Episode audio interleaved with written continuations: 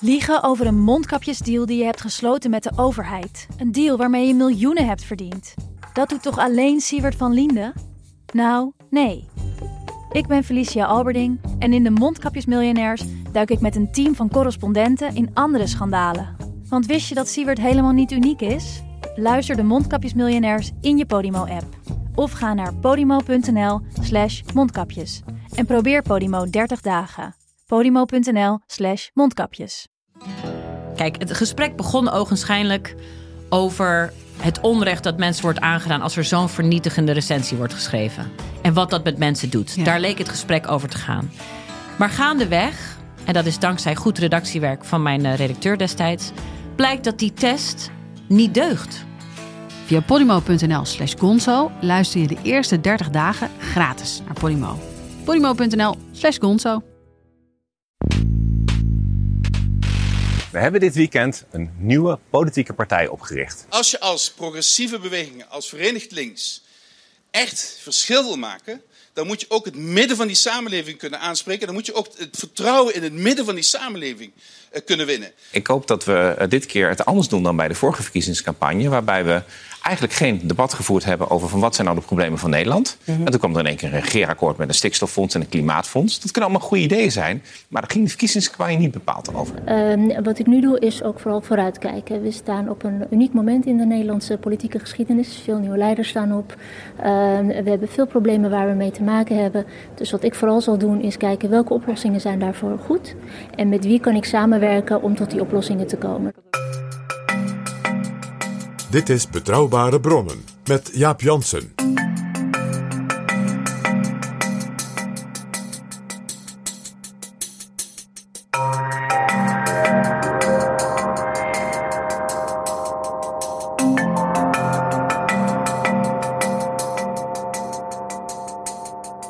Hallo, welkom in aflevering 364 van Betrouwbare Bronnen. Welkom in seizoen 6 van Betrouwbare Bronnen. En welkom ook PG. Dag Jaap, seizoen 6. En wat een seizoen. PG, we hebben al eventjes in de zomer twee extra afleveringen gemaakt. We konden het gewoon niet laten, Jaap. En we kregen zelfs verzoeken om na aflevering 362, toen we de politieke situatie die drastisch aan het veranderen was bespraken, om na die aflevering eh, nu alweer onze aandacht te richten op de politieke verhoudingen en de aankomende verkiezingen. En een maand later is daar denk ik ook wel reden toe. Ja, er is zeker reden voor. Want inmiddels heeft Pieter Omtzigt met een nieuwe partij het speelveld betreden. En zijn er van verschillende partijen ook interessante uh, lijsttrekkers te noemen. En misschien zou je kunnen zeggen dat de komst van Pieter Omtzigt, maar misschien heel vroeg hoor in deze campagne, dat de komst van Pieter Omtzigt een game changer zou kunnen zijn of kunnen worden. Waarbij natuurlijk altijd weer de vraag is: welke game en welke change? En over dat spel gaan wij het hebben, PG. Maar eerst, Dag en Nacht Media heeft een luisteraarsonderzoek gehouden. En daar blijkt nogal wat uit over onze luisteraars, PG. Is het een representatief onderzoek, ja? In ieder geval representatief genoeg om even naar te kijken. Onder andere is de vraag gesteld: luister je behalve betrouwbare bronnen nog naar andere podcasts?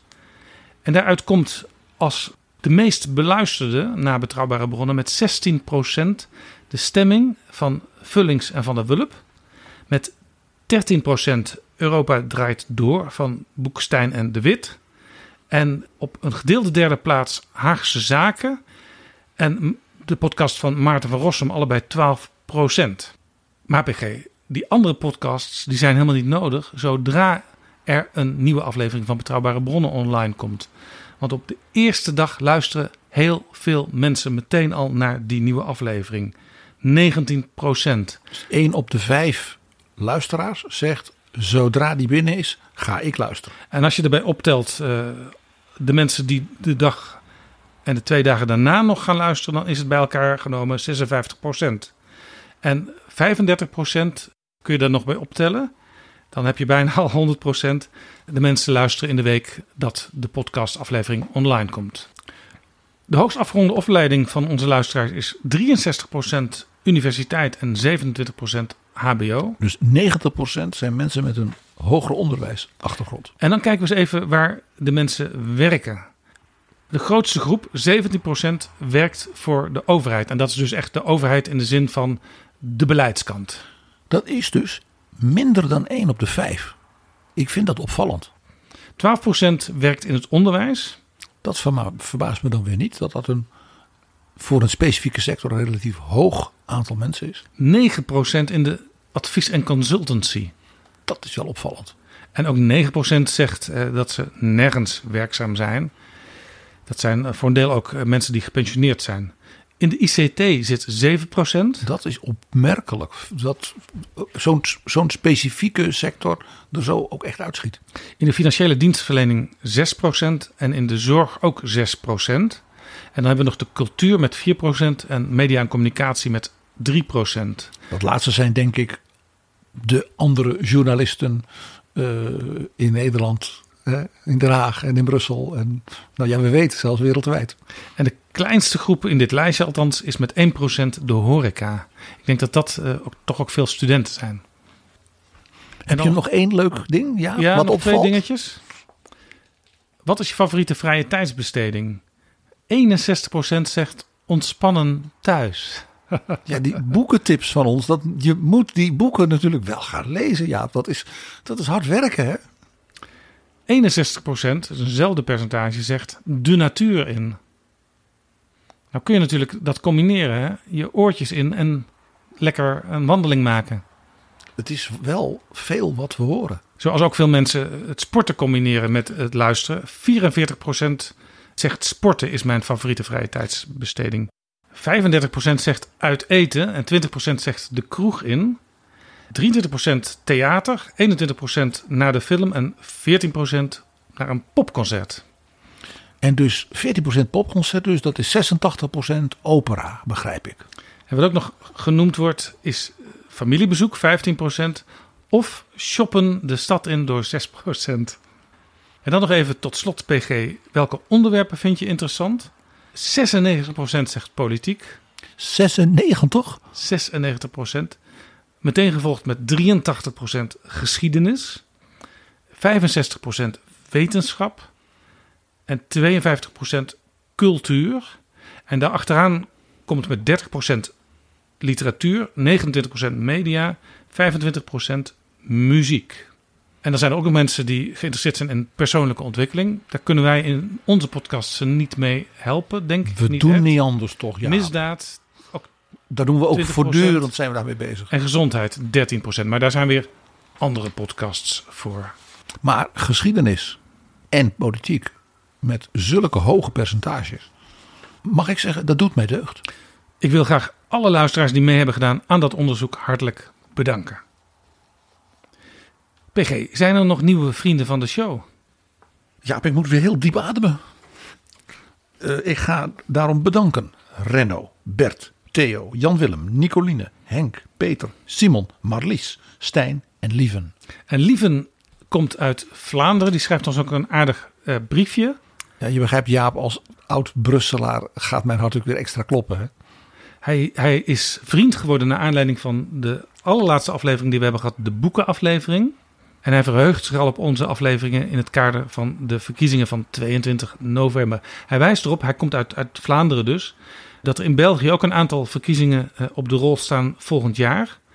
En dat die heel spannend kunnen worden voor met name de Christendemocraten, de Liberalen en de Groenen.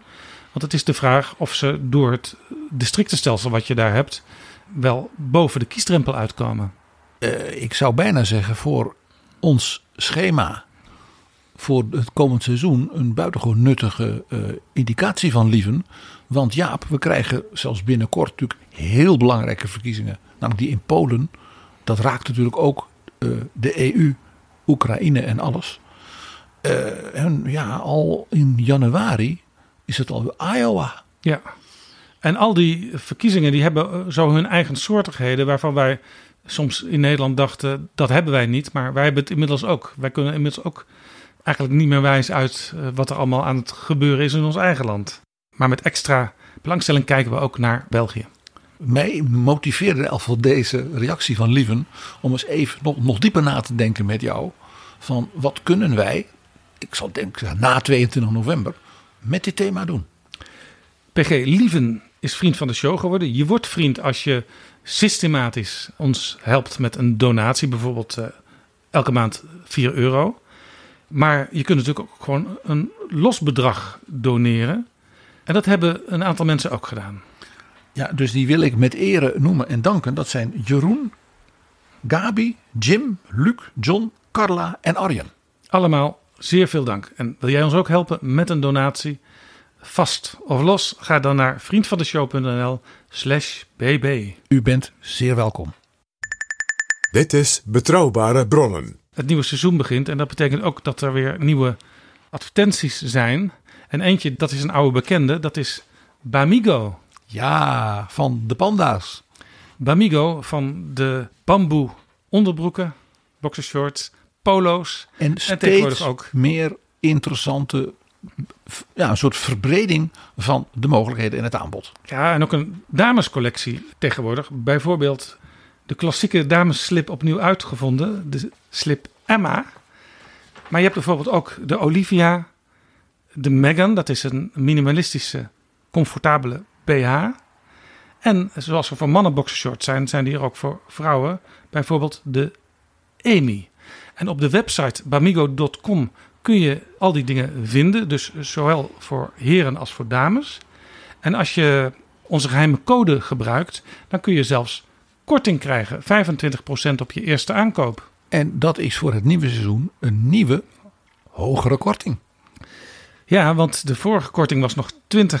Het wordt nu 25%. Als je de code gebruikt betrouwbaar 25. Dus allerlei fijne kleding, ademende kleding van bamboe in allerlei fijne kleuren.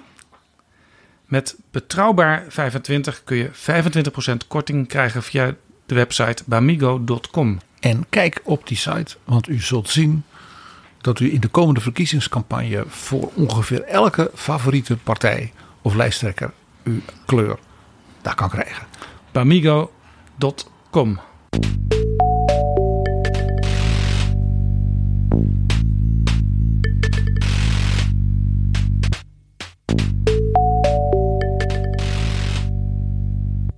PG, we gaan het hebben opnieuw over de stand van zaken in de Nederlandse politiek. Aan de vooravond van de verkiezingen. Ik zeg vooravond en die gaat heel lang duren. Want op 22 november zijn ze daadwerkelijk. Dat is sneller dan iedereen, denk ik, op dit moment beseft. PG, er zijn zoveel aspecten waar we het over kunnen hebben. Hoe zullen we dit deze keer aanvliegen? Ja, het gevaar is bijna dat je zegt een soort scratching the surface uh, gesprek hebt. Dan wel dat we uren gaan zitten speculeren. En wat daar heb ik helemaal geen zin in. Nee, dus we moeten wel iets eruit pikken. Ik zat te denken aan, zullen we eerst eens kijken, wat zien we nu gebeuren? Want een maand geleden, in editie 362, zeiden we al, dit is een moment politiek, parlementair, historisch verrassende overeenkomst heeft met 2001, 2002. Ja. En van daaruit, nog eens een maand nadenkend, dat als daar nog eens verdiepen. Ja, dat was Wat toen. zien we? Wat zien we hier? 2001, 2002 was het einde van Paars en de komst van eh, wat wel genoemd wordt de fortuinrevolten. Ja, en dus ook het einde van het tijdperk van de langzittende, ja, ook internationaal hooggewaardeerde premier Wim Kok. En het was dus heel duidelijk, er komt in dat opzicht een nieuwe tijd. Ja, en destijds had je Ad Melkert binnen de Partij van de Arbeid als de opvolger van Wim Kok. En eh, een van jouw stellingen in die aflevering 362 was... Dylan Jessilgus, als ze niet uitkijkt... dan zou ze wel eens de Ad Melkert van deze verkiezingen kunnen worden. Namelijk de gedoodverfde opvolger van de vertrekkende premier... uit de partij van de premier... die het uiteindelijk toch minder goed doet... en uh, uiteindelijk zelfs politiek sneuvelt. Ja, omdat het een hele lastige rol is. Uh, jij verwees in die editie bijvoorbeeld ook op Elko Brinkman. Die na het verrek van de ook langzittende, ook internationaal hooggewaardeerde premier Ruud Lubbers.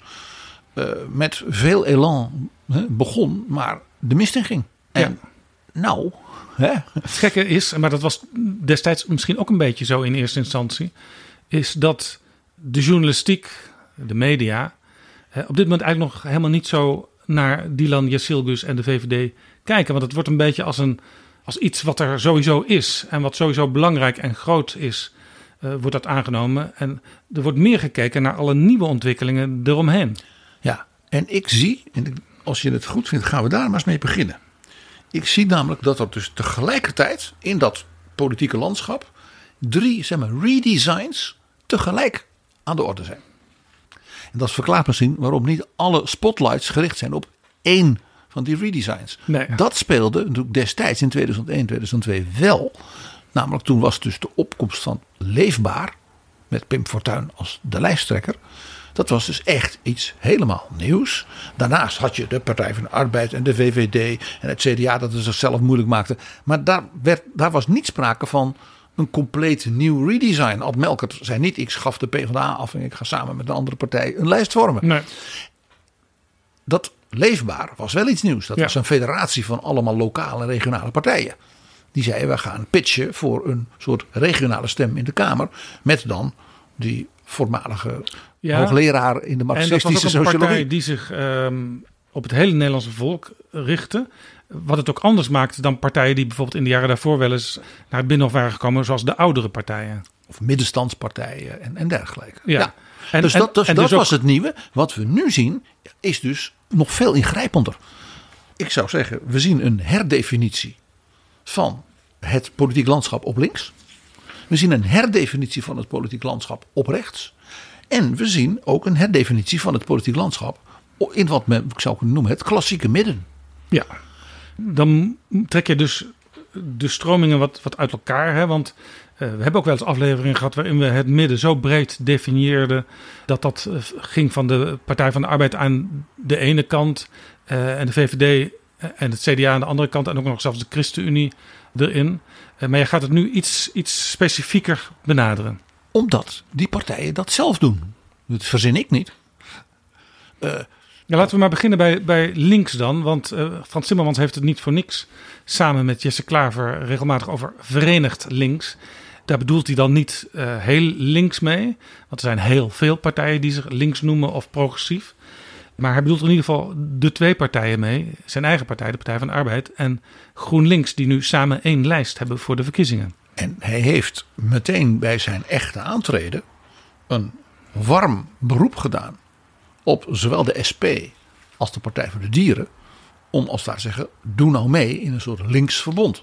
Ja, dat is En niet meteen eh, omarmd. Waar hij, denk ik, stiekem buitengewoon tevreden over is. Ja, er is eigenlijk één artikel geweest in de kranten. En daar is het ook bij gebleven. Een artikel in de Telegraaf. En misschien is het inderdaad wel zo, eh, PG, dat dit ook een opzetje is van eh, Frans Timmermans en de campagne van de twee partijen die die ene ik, lijst gaan vormen. Ik denk natuurlijk niet zo slecht. Want eh, Als als, jij- die anderen nou meteen afwijzend reageren, dan kun je daar altijd naar verwijzen in de campagne. Ja, zij willen niet. Wij hebben ons best gedaan. Zij doen zoals de CPN in 1977 tegenover Den Uyl van acht eruit, de CPN erin. En wat gebeurde er? Die partijen, wat toen nog klein links heette, maar die waren groot, relatief. Die joegen hun kiezers massaal in de armen van de minister-president die gekozen zou worden, Joop den Uyl. De CPN was eh, in zichzelf als een van die kleine linkse partijen zeven zetels groot. En dat, die hield er twee over door die campagne van Joop den Uyl. En van henzelf. En dat is natuurlijk de grote droom van Partij van de Arbeid en GroenLinks. Eh, ja, de tijd van den Uyl moet terugkeren. En dan met Timmermans in, in die rol, in die hoofdrol. Ome Frans. En dan denken sommigen in GroenLinks die het verleden nog een beetje kennen. Want eh, de PPR, een van de samenstellende delen van GroenLinks, zat destijds ook in de coalitie met Den Uyl. Wat ze dan overigens vergeten is dat de partij van Hans van Mierlo, D66, daar ook bij hoorde. En ook mee wilde doen in de progressieve volkspartij. En dat voor Timmermans geldt dat hij in het verleden D66 ook altijd samen met GroenLinks als eerste voor samenwerking in aanmerking komende partij noemde. En dat hoor je dus nu niet meer. En daarom is het zo interessant dat hij de SP en de Partij van de Dieren een invitatie gaf. Dat het waarschijnlijk een opzetje is van Frans Timmermans om die twee partijen, SP en Partij voor de Dieren, meteen weg te kunnen zetten. Uh, dat leid ik af uit het verleden van Timmermans. Want uh, er is een moment geweest in 2012 toen Job Cohen leider van de Partij van de Arbeid was en Hans Spekman voorzitter van de Partij van de Arbeid. Zij gaven een interview in het dagblad Trouw. Daarboven stond: We moeten linksom uit de crisis komen. En uh, daarin zeiden die twee, de partijleider en de partijvoorzitter, dat de PvdA moest samenwerken met de SP. Want bij de verschillen die er natuurlijk zijn, zijn de overeenkomsten vele malen groter, was uh, het betoog. En wat gebeurde er? Er lekte een brief uit, een beste Job en Hans brief. Van Frans Timmermans. En hij schreef die brief, werd aan alle fractieleden en medewerkers gestuurd. Want mij is de kans niet vergund dit in de fractie te bespreken. Dus ik schrijf het maar op, zei Timmermans. Ik wil nu graag mijn mening geven over waar ik het niet mee eens was. In de eerste plaats de hopeloze propositie om ons als SP Light te positioneren. Dus de Partij van de Arbeid werd eigenlijk vergeleken met de SP. En niet, was niet meer iets op zichzelf staand. Nee, het was SP Light geworden volgens Timmermans. En hij zei ook: De sociaaldemocratie is een toekomstgerichte beweging. En het gisteren was alles beter socialisme van de SP staat hier haaks op. Dit is echt een doodlopende weg, zei Timmermans, als we op deze manier doorgaan. Dus jij denkt dat de invitatie van nu eigenlijk een calculatie was dat de SP van nu dit zou afslaan. En dat hem dat eigenlijk heel welkom was. Ja, het komische is, destijds pleitte die, waar de Partij van de Arbeid zich dan wel op moest richten, behalve de eigen kracht, eh, een verbond tussen de oudste en de jongste generaties. En eigenlijk doet hij dat nu als PvdA met GroenLinks. Want Partij van de Arbeid is één van de partijen met de oudste achterban van Nederland. En GroenLinks is een van de partijen met de jongste achterban van Nederland. Dus je krijgt een soort balans als je die samenvoegt. Dus hij is hierin consequent ten opzichte van zijn visie van toen. Ja, speelt nog een ander dingetje mee. Timmermans vond dat Cohen aan misplaatste zelfkastijding deed door de erfenis van Wim Kok opzij te schuiven. Dat was allemaal uh, te neoliberaal en zo.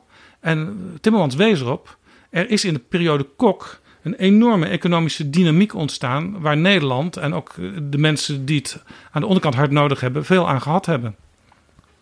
Ik ben benieuwd of Timmermans hetzelfde gaat doen met de uitkomsten van Rutte 2 dan van de VVD met de Partij van de Arbeid? Nou ja, dat, dat is heel interessant. Want uh, als je naar Rutte 2 kijkt. Ja, de Partij van de Arbeid uh, eindigde daarin uh, op een heel laag niveau in de verkiezingen negen zetels. Daar zijn ze eigenlijk nooit meer uitgekomen uit die put. En er zijn een aantal dingen toen in gang gezet. waar met name nu Pieter Omtzigt garen bij spint. De kindertoeslagaffaire is toen begonnen. En uh, de problemen in Groningen die zijn toen eigenlijk niet echt onderkend. En dan heb ik het maar niet over de invoering van het leenstelsel, ja. Wat natuurlijk ook interessant is, is dat deze signalen van toen er onder andere toe leidden dat Job Cohen het niet meer zag zitten. En Diederik Samson, de kabinetchef van Frans Timmermans, de lijsttrekker werd. Ja. En inderdaad niet over links ging. De VVD werd de partner. Nog de avond van de verkiezingen. Hetgeen maar weer bewijst dat we nog geen idee hebben wat er gaat gebeuren. Niet alleen de komende weken, maar ook na de verkiezingsuitslag. Alles kan nog veranderen. Hier speelt één belangrijk element bij wat ik dus noem die herdefinitie op links. He, want men zegt wij hebben een premierskandidaat, heel nadrukkelijk. En we dat doen dat van twee clubs die samen één lijst hebben. Ze zijn als partijen nog niet gefuseerd, maar die ene lijst is een feit. Ja, de En- lijst verschijnt op 8 september, volgende week vrijdag. En ik zeg tegen jou, Jaap, en onze luisteraars, die is ook niet meer te ontvlechten. Zou er politiek, zeg maar, koersverschil ontstaan, spanning ontstaan, wat natuurlijk altijd kan binnen, dan zullen GroenLinks en de Partij van de Arbeid, ook gelet natuurlijk op de Eerste Kamer, niet meer kunnen zeggen, nou ja, onze wegen scheiden nu. Nee, het is, het is ineengevlochten. Het is in dat Er is zelfs een heel eh, intern protocol voor. eh, dat na de nummer 1 van de Partij van de Arbeid twee mensen van GroenLinks volgen op de lijst. En natuurlijk eh, komt er ook nog een man-vrouw om en om afwisseling. en dan dan- moeten ze nog even opletten dat ze daar niet het probleem krijgen dat je alleen maar PvdA-mannen en eh, GroenLinks-vrouwen op de lijst krijgt. Maar dat los je op door na Timmermans Lisa Westerveld te zetten en dan Jesse Klaver. En dan kan er dus een P van de A-vrouw. Ja, hier is over nagedacht, denk ik. Jaap? Lisa Westerveld, je hebt natuurlijk ook nog Laura Bromet. Misschien nog wel een hele bijzondere kandidaat die we nu nog niet kennen van buiten. Want zo'n nieuwe combinatie moet ook altijd een enkele vernieuwing doorvoeren. Ja, maar Frans Timmermans is natuurlijk de vernieuwing himself. De premierskandidaat bovenaan de lijst. Dus dan is een stukje herkenning voor de GroenLinks-kiezer misschien juist wel verstandig. Ja, ik begrijp overigens dat eh, sommigen die, die, die vertrekken nu. Henk Nijboer gaat bijvoorbeeld weg uit Groningen, omdat hij zich niet kan vinden in die samenwerking. Maar ik heb ook min of meer begrepen dat het ook wel een beetje de bedoeling is dat je die samenwerking omarmt als je op de lijst wil.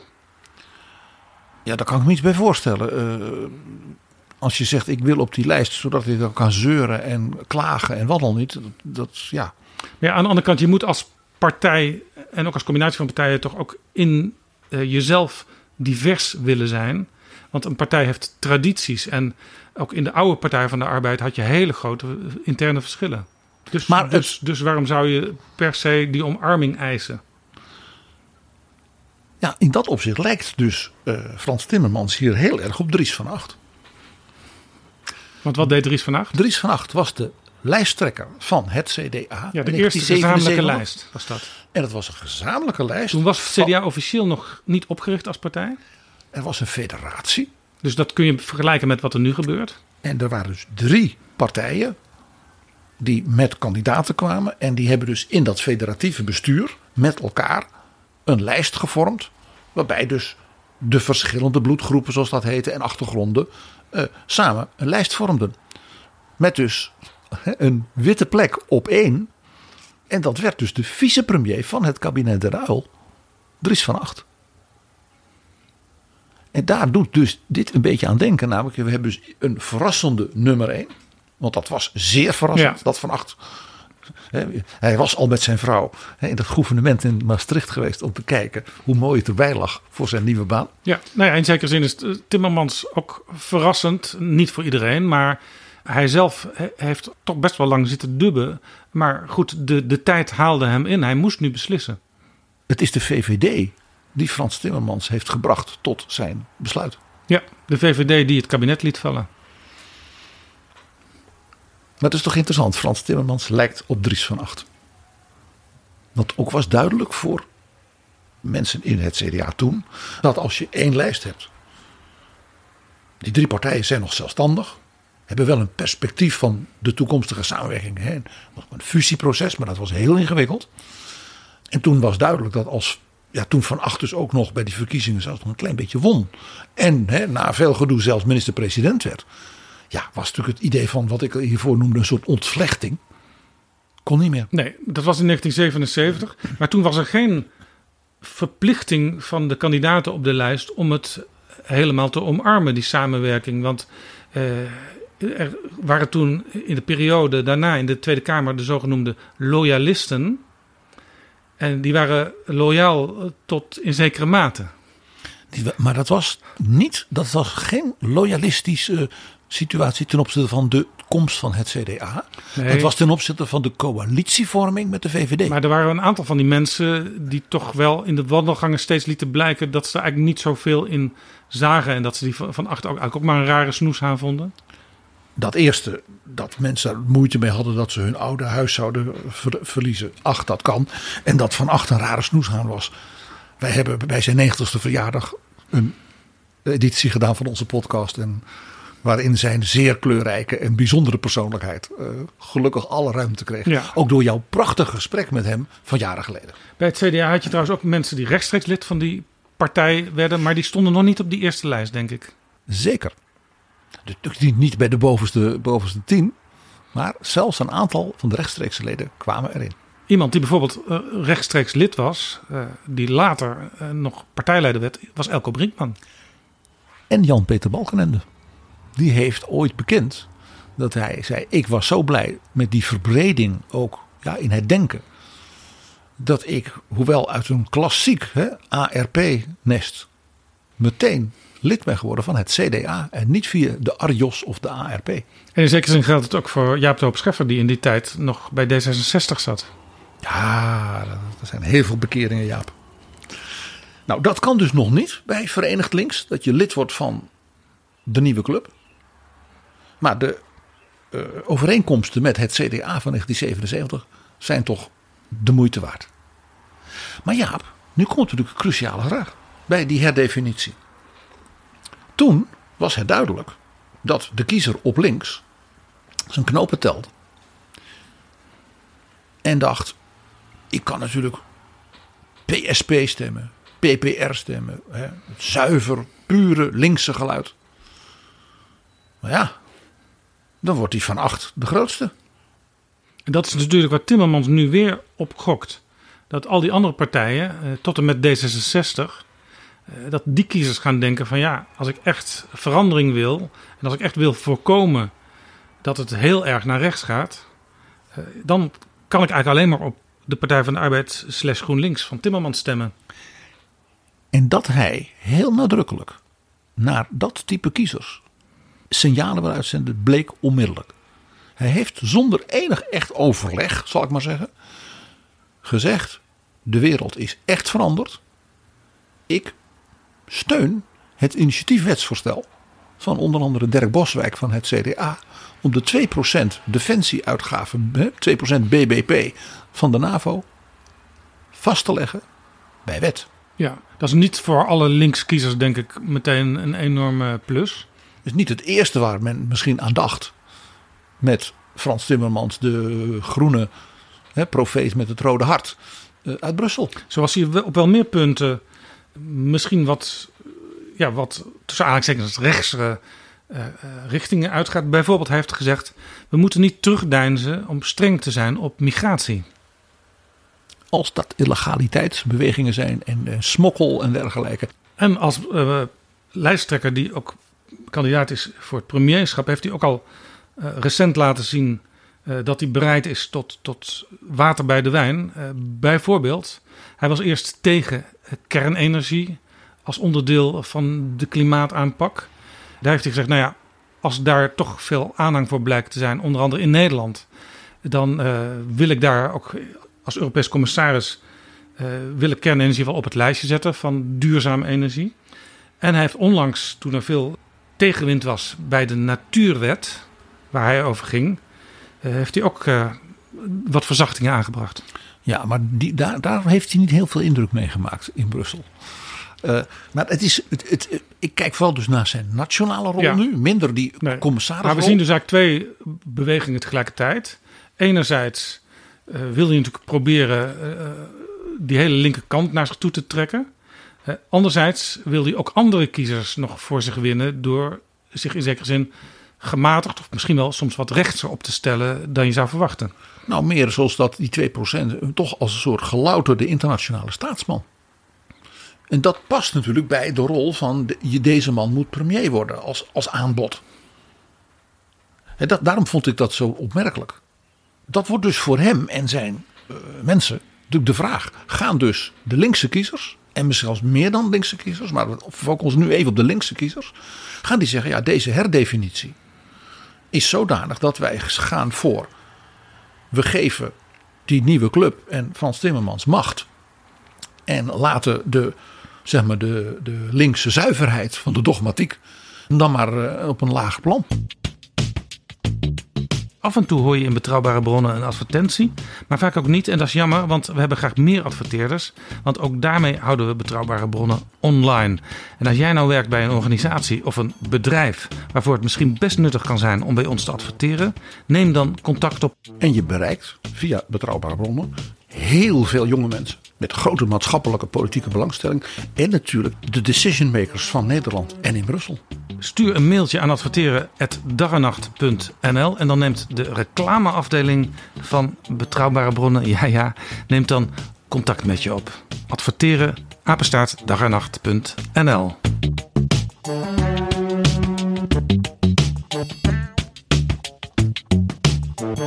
Laten we eens naar rechts kijken. Daar vindt ook een herdefinitie plaats. Jaap, ik zie daar twee dingen. En die staan los van elkaar. Dus dat ze vooral niet met de luisteraar worden ver- vermengd. Het eerste is, en dat is toch echt een, een heel belangrijke eh, eh, stap. Er zijn twee partijen op rechts die zeggen: wij houden nadrukkelijk de deur open, ook inhoudelijk, om met andere partijen op de nog veel rechtere flank tot afspraken te komen. En dan wordt dus met name de PVV bedoeld. Je merkt het Forum ook doordat het toch wel een heel pro-Russische houding eh, etaleert. eh, niet wordt meegenomen in, nou ja, daar zou je mee kunnen praten. Nee, Forum wordt ook eigenlijk no- nergens meer genoemd. Die spelen eigenlijk ook in de media geen enkele rol meer. Maar het interessante is dus dat en de VVD en de boer-burgerbeweging van mevrouw van der Plas beide zeggen: nee, de PVV die sluiten wij niet uit. Ja, dat is interessant, want Mark Rutte was in 2017 in een brief aan informateur Cenk Willink op principiële gronden en op praktische gronden tegen verdere samenwerking met de PVV, waar die natuurlijk in de periode 2010-2011 wel mee heeft samengewerkt in de gedoogconstructie bij Rutte 1. Ja, en een identieke brief met eh, ook nog een aantal zeer indringende, zeg maar grondwettelijke, dus rechtsstatelijke bezwaren, is toen ook aan informateur Cenk Willing gestuurd door Sibrand Buma. Ja, en daar heeft Bontebal, de nieuwe leider van het CDA, eh, zich ook opnieuw bij aangesloten bij die redenering. Die heeft zeer klare wijn geschonken. Maar de VVD dus niet. Dylan Jessilgus, Kiest voor de lijn Brekelmans die en zei, niet voor de lijn laten Rutte. we eens kijken waar Wilders mee komt. Want Wilders zelf heeft ongeveer toen het kabinet aan het vallen was, al een oproep gedaan om nou eens te gaan samenwerken op rechts. Het gekke is dat eh, Mark Rutte daarna gevraagd, naar dit, dat nieuwe standpunt van de VVD, zei: Het is natuurlijk heel slim, u zult eh, in deze campagne nog vaker horen dat ik het eens ben met Dylan. Vervolgens gingen journalisten vragen naar de argumenten om nu ineens samenwerking met de PVV niet meer uit te sluiten. En toen zeiden ja, hier ga ik nu verder niet op in. Dus het was toch een beetje een raar moment in die persconferentie van Rutte. U bent nog maar net weg en eh, de nieuwe leider van de VVD zegt dat eh, eh, de VVD moet gaan samenwerken met, eh, met de PVV, als dat eh, wellicht mogelijk is. Eh, bent u het daarmee eens? Ja, ben ik het mee eens. Ik ga er overigens eh, verder niks over zeggen. Anders dan dat als u mij de komende tijd vragen over stelt, u vaak zult horen dat ik het ermee eens ben. Want eh, ik ben heel blij met eh, de nieuwe lijsttrekker en ook de lijn die zij uitzet. Maar ik ga hem verder niet becommentariëren. Eh, waarom doe ik dat niet? Omdat zij nu degene is eh, die sturing geeft aan de partij. Ja, ik zeg altijd, ja, je moet bij Mark Rutte altijd naar die wat achterloze zinnetjes luisteren. Dit was er weer zo in. Wel vaker. Dus niet altijd. Hij hield als het ware zo'n klein zwaardje van Damocles boven het hoofd van Dylan Jessilgus. Eh, maar kort antwoord, eh, ik steun haar lijn, eh, maar ik ga er verder niet op in. Maar u heeft zelf tijdens de formaten, verschillende formaties, maar ook bijvoorbeeld de, de formatie van Rutte 3, eh, ook brieven geschreven waarin u zei dat de lijnen waren overschreden waren en dat daar dus met die partij niet kon samenwerken. Is dat minder waar nu, wat er in die brieven stond? De tijd scheidt voort. Er zijn nieuwe verkiezingen. Ik vind haar lijn verstandig, maar ik ga er verder niet op in. Dylan Jesselgus die deed overigens ook iets eh, waarin ze misschien wel een beetje lijkt op dat tactiekje van Timmermans en de linkse samenwerking met eh, SP en Partij voor de Dieren. Ze zei namelijk, nou ik vind dat je gewoon eens even moet afwachten waar Wilders precies mee gaat komen. En dat zal natuurlijk enorm verrassend zijn. Eh, Hij zal, zal zijn bekering tot het Wahhabisme bekendmaken en zo. Ik moet zien waar eh, de heer Wilders mee komt. Uh, volgens mij heeft hij, als ik me niet vergis, rond de val van het kabinet gezegd... nou, het wordt tijd dat we over onze ego's heen stappen en dat we kijken wat we kunnen doen... Uh, om het land verder te brengen. Dus ik zal ook zijn ideeën daarop uh, beoordelen. Het is dus, vind ik, echt een partijleider zelf om aan u te vertellen met welke inzet ze aan tafel zitten. Dus het is eerder aan hen om te zeggen of zij aan tafel komen dan dat ik ga zeggen die wil ik niet of die wil ik wel. Daar heeft de Nederlander volgens mij niet zoveel aan. Ook zij kan tegen haar achterban zeggen, waarvan een deel samenwerking met de PVV best prima vindt. Ja, we hebben ons best gedaan, maar ja, hij kwam uiteindelijk met zulke hoge eisen hij legde de lat zo hoog dat wij daar als liberalen niet overheen kunnen springen. Of hij ging dingen herhalen die hij al twintig jaar roept, waar we niks mee kunnen. Dus ook dit is toch misschien dubbelspel van Dylan Jesselgus. Wat denk jij toch slecht over die mensen, Jaap? Eerst over Timmermans en nu over mevrouw Jesselgus. Nou, maar dit is, hoe je het went of keert, dus die zowel BBB als VVD, die als daar zeggen nee, dat moet toch kunnen. Of je nou zegt we wachten af waar ze mee komen, maar je zegt dus in feite dat is denkbaar, bespreekbaar en misschien zelfs tactisch slim. Ja, want dan gaat zich in de mind van mensen al een soort blok op rechts aftekenen. En dan zijn we meteen bij de rest van rechts. Want daar is ook wat ik maar noem een herdefinitie gaande. Want wat zien we? We zien Forum van Democratie en de grote lijst afsplitsingen daarvan. Allemaal ongeveer tegelijkertijd. En ook nog weer binnen hun eigen segmentje. Daar is dus niet een soort afstemming tussen. Dat is altijd op extreem rechts natuurlijk lastig dat je met elkaar afstemt. Het is uh, sterk he, cannibalistisch. Blijkt die storten allemaal tegelijk in. Dat al die mensen die zich eh, hebben afgescheiden van Vorm voor Democratie. Die scheiden zich nu ook weer van elkaar af in hun eigen kleine gelijkje. En dit leidt ertoe dat het uiteindelijk allemaal onzichtbaar wordt, denk ik.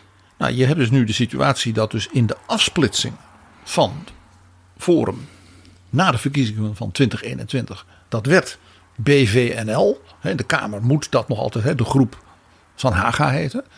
Dat daar dus nu weer twee andere mensen, of één andere mens, ik raak de tel kwijt, als ze zeggen: ja, maar ik ga op deze manier niet meer mee. Maar ben, blijf wel Kamerlid natuurlijk. En dat BVNL van Wiebren van Haga, dat heeft een lijst kunnen samenstellen met allemaal mensen waar juridisch iets mee aan de hand is geweest. Hij zelf staat bekend als huisjesmelker. Nummer twee staat Henk Krol, die in het verleden problemen heeft gehad met het betalen van uh, sociale voorzieningen voor medewerkers ja. bij, de, bij de G-krant. Op nummer drie staat Sita van Kijmpema. Van Farmers Defence Force die bij Campina eruit is gegooid als uh, leverancier, omdat er helemaal niks deugde van wat ze aanleverden. Ja, de kalfjes waar deze boerin de hoeder van was, die hadden het niet best. Die hadden het zo ontzettend slecht dat dat grote bedrijf zei: ja, wij hebben kwaliteitseisen van uh, ja, hoe je omgaat met dieren. En daar werd zo met de pet naar gegooid. Dat dus dat bedrijf gewoon uit die, dat verband is gegooid.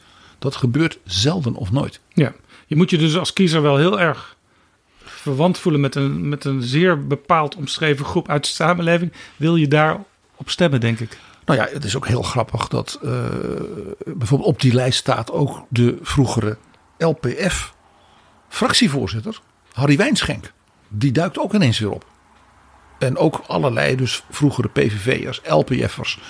Uh, die, blijkbaar zijn die op een of andere manier bij Haga terechtgekomen. Ja, het is een hele lange lijst, dus hij verwacht blijkbaar nogal wat zetels. Ja.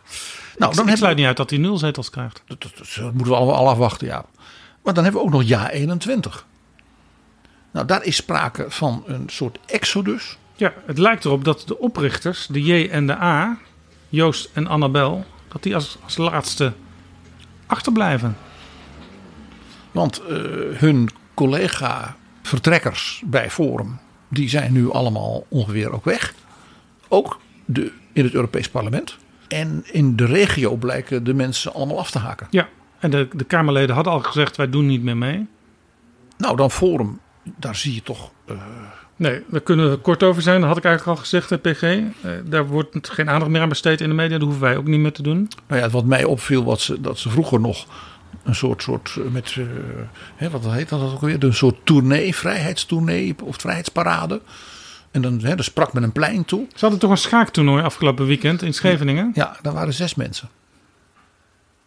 Je bent er geweest en je hebt ze geteld. De foto's waren vermakelijk. Maar ook wel een beetje, ja, een beetje pijnlijk, een beetje sneu. Nou ja, dan hebben we nog de PVV. Ja, Die komen eh, ongetwijfeld binnenkort weer met een lijst die heel erg lijkt op de vorige lijst en de voorvorige lijst. eh, de PVV is zo langzamerhand de fractie die bijna een soort alleen vertoningsrecht heeft op Kamerleden die langer dan acht en tien jaar in de Tweede Kamer zitten. Als je kijkt eh, wie er het langst in de Kamer zitten, eh, zeker als straks Van der Staaij eh, vertrokken is, dan kom je al gauw bij Omtzigt. Maar ook eh, bij Wilders en daarna bij al zijn fractiegenoten. Dion Graus, Van Roon, Tony van Dijk. Je ziet hier dus een soort immobilisme. Een vorm van verlamming. Ja, ook, dat- ook inhoudelijk. Dat hebben ze zelf ook wel eens toegegeven. Hè? Bijvoorbeeld Martin Bosma.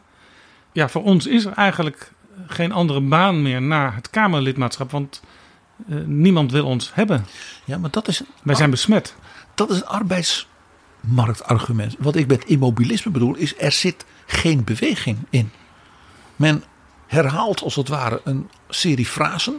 En die verschillende Kamerleden komen ook niet zelf met, ik zeg maar, met, we zijn een zeer ervaren Kamerlid. Dus ik kom met allerlei voorstellen, gedachten, nieuwe ideeën. Nee, je zag in het verleden ook dat eh, bij het maken van die lijst er toch heel erg geschraapt moest worden uit de gemeenteraad van Den Haag, Het Europees uit Parlement. parle- eh, eh, Eerste Kamer. Er werd enorm geschoven om maar die lijst te kunnen vullen. En ik sluit niet uit dat dat nu opnieuw gebeurt, waarbij de PVV er ook nog last heeft dat het natuurlijk juist bij raden, de staten en ook helemaal natuurlijk in het Europees Parlement, eh, ja, eigenlijk bijna niemand meer heeft. Dus, dus ja, wat ik dus maar noemde een soort verlamming, zowel inhoudelijk als zeg maar, personeel, is natuurlijk opvallend aan het worden. En ja, je ziet dus ook dat Wilders zei, we moeten toch gaan samenwerken. En daar bleef het bij. Er is niet, hij heeft niet een soort pact op rechts voorgesteld als een van de meest ervaren Kamerleden. Om tegen bijvoorbeeld tegen Jessel Gus te zeggen, of tegen BBB, die hen niet uitsluiten. Zullen we dan, Caroline, zeggen tegen de kiezer: deze vier punten maak ons sterk.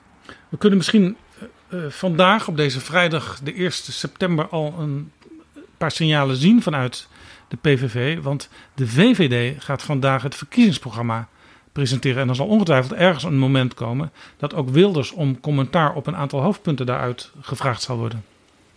En dan weten we meteen eh, wat voor vlees we in de kuip hebben. Dus ook op rechts, net als op links, een herdefinitie van de posities.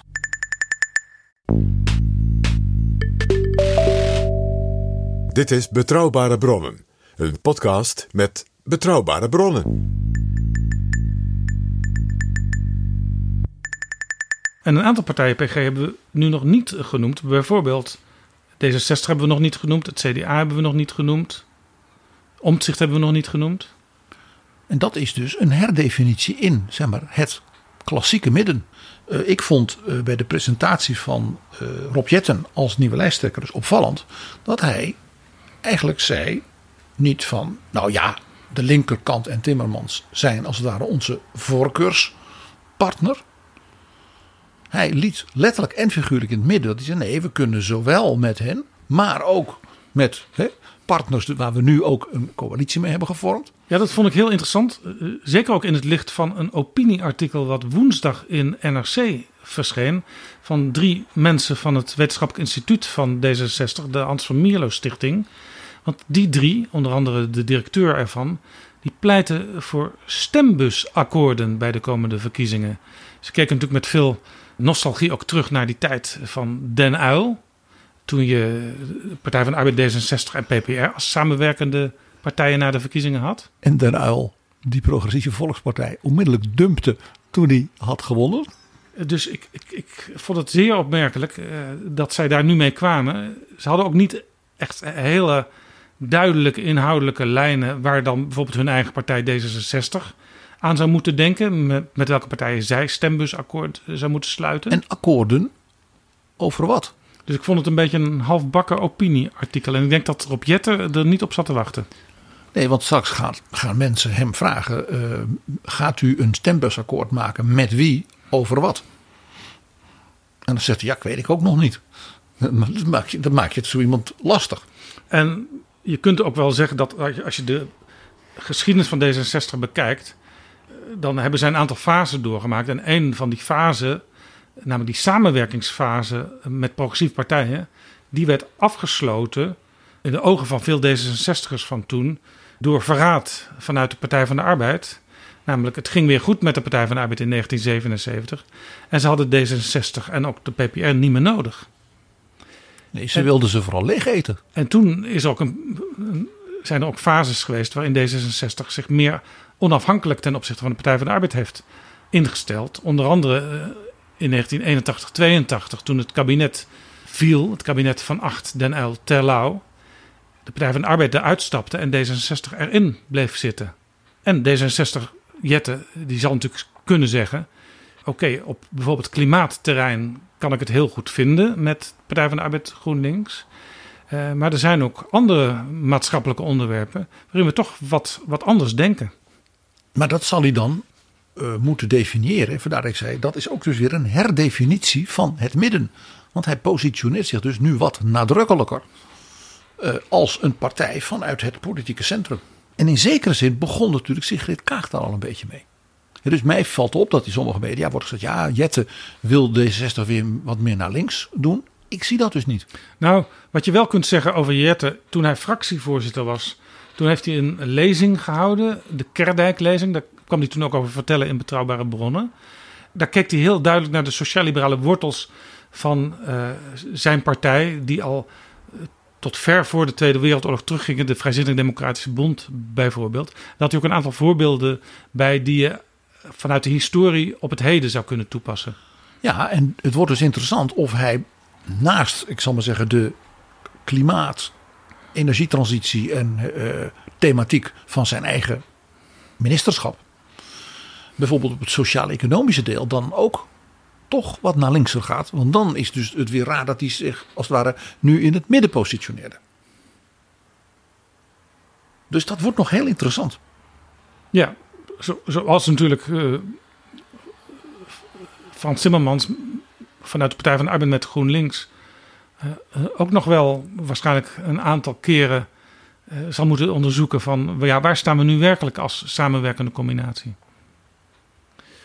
Dan kijken we natuurlijk ook nog naar het CDA, PG, Henry Bontebal. Ja. Die, die, die zet ook een koers in die wat anders is dan van bijvoorbeeld Wopke Hoekstra en daarvoor Sibrand Buma. Bij het CDA zeg ik, we hebben er op dit moment dus drie. Een CDA, een CDB en een CDC. Het CDA, dat kennen we. Hè? Dat is de partij, ik zal maar zeggen, van Piet Steenkamp. Dan heb je nu het CDB, dus, dus het, het CDA Boeren. Van de boeren en buitenlui. Je zou eens kunnen zeggen Steenkamp, 20e eeuw.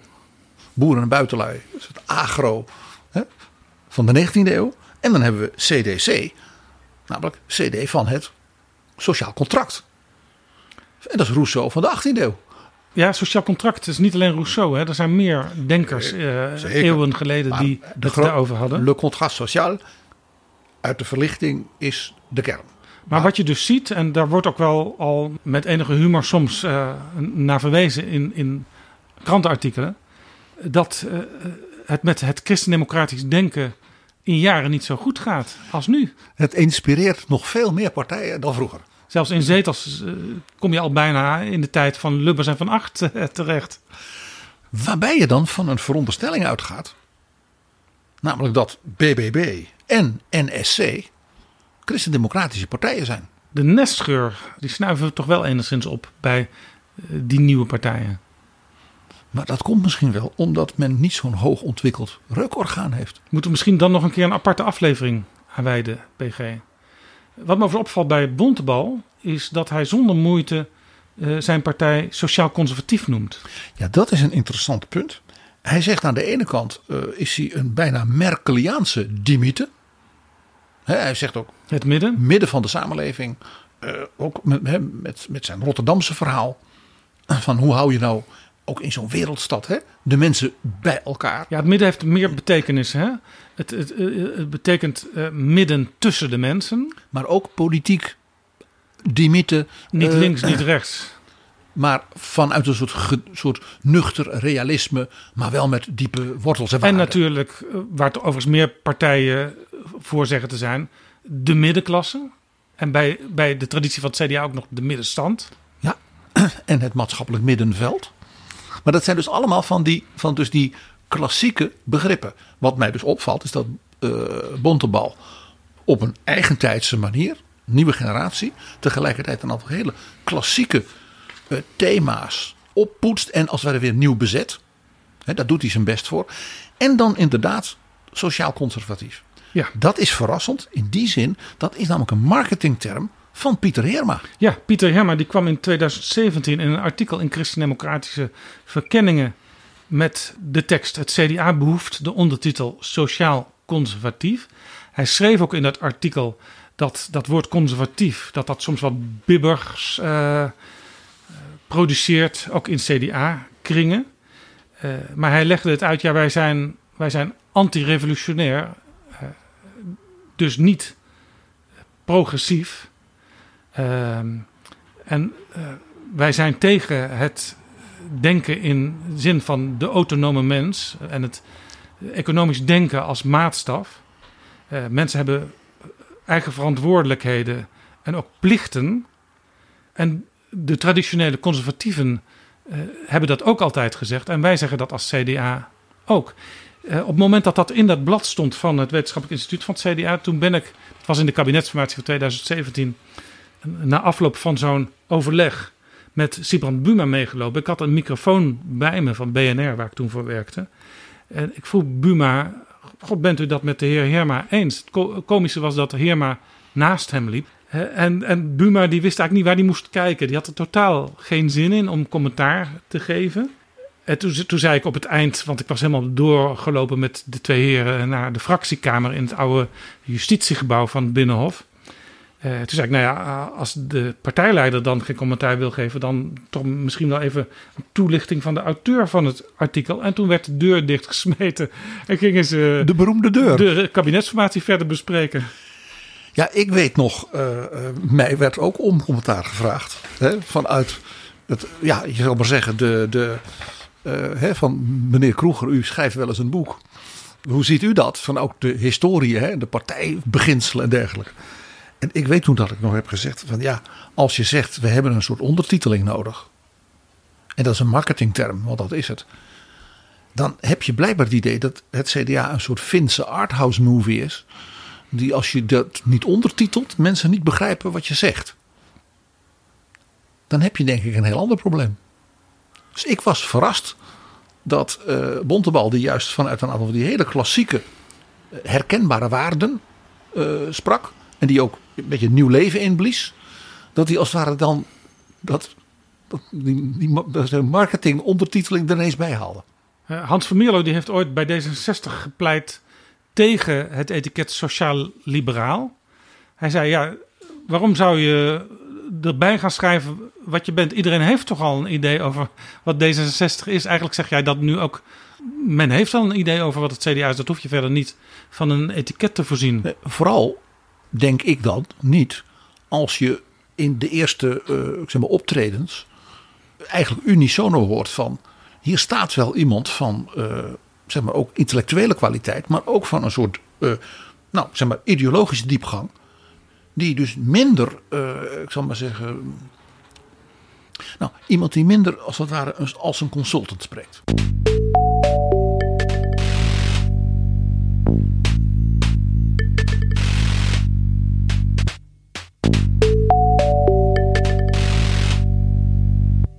Wat ik een van de meest ja, fascinerende dingen vind in dus dat redesign op links, op rechts en in het midden. Is dat we een, een bijna klassieke politieke wet misschien wel op zijn kop gaan zien staan. En die komt uit Frankrijk. Dat was Jean-Marie Le Pen, die toen Chirac om de kiezers te pleasen. Ook zei, ja, we moeten migratie aanpakken en de banlieues moeten worden schoongeveegd en dat soort dingen. Toen zei Jean-Marie Le Pen, tja, dat zegt meneer Chirac nu, die burgemeester was van Parijs. Dat hij dat kunnen doen. En hij was premier en, hè, onder Mitterrand. En eh, nou, nou, nou doet hij mij na. Toen heeft Jean-Marie Le Pen de beroemde zin gesproken. Waarom zou u het kopie kiezen als u het origineel kunt krijgen? Precies. En we zouden dus hier eens kunnen gaan zien dat men zegt: het kopie vinden we eigenlijk beter geworden dan het origineel. PG, jij zet dus het CDA van Bontebal en het D66 van Jette zet jij in het midden. Dat is historisch misschien ook wel een raar beeld, want die partijen hebben zich ook wel vaak tegenover elkaar verhouden in de geschiedenis. In ideologisch opzicht, uh, Van Mierlo en, hè, en het CDA, uh, dat, dat knetterde nog wel eens. Je, je weet, uh, was het niet Elko Brinkman die D66 een KVP zonder Maria noemde? Je had al BBB bij rechts, bij de VVD eigenlijk. Het is onmiskenbaar. Is onmiskenbaar een rechtse partij. maar Omtzigt, dat, dat lijkt wel toch wel heel erg dicht bij het CDA, het oude CDA te staan. Nou, dat is dus opmerkelijk. Er is geen definitie. Er is een hoop proza, maar er is geen definitie. En dat is vanuit een nieuwe start natuurlijk een heel bekend politiek verschijnsel. Ja, Omtzigt de... zegt zelf heel trots: hier zijn 65 pagina's. Uh, er is een stuk, uh, een soort ideologisch grondslagenstuk. En er is een stuk met een 40 pagina's uitgebreid verslag van wat ik de afgelopen jaren allemaal heb gedaan. En dat zijn dingen die hij in de Kamer heeft behandeld. Dat zijn vragen die hij heeft gesteld. En dat zijn lezingen die hij heeft gehouden. Maar dat is geen coherente politieke visie. En dat kan ook blijkbaar niet. Daar heeft hij blijkbaar nog geen tijd voor gehad. Dus dat moet dan allemaal heel snel nu.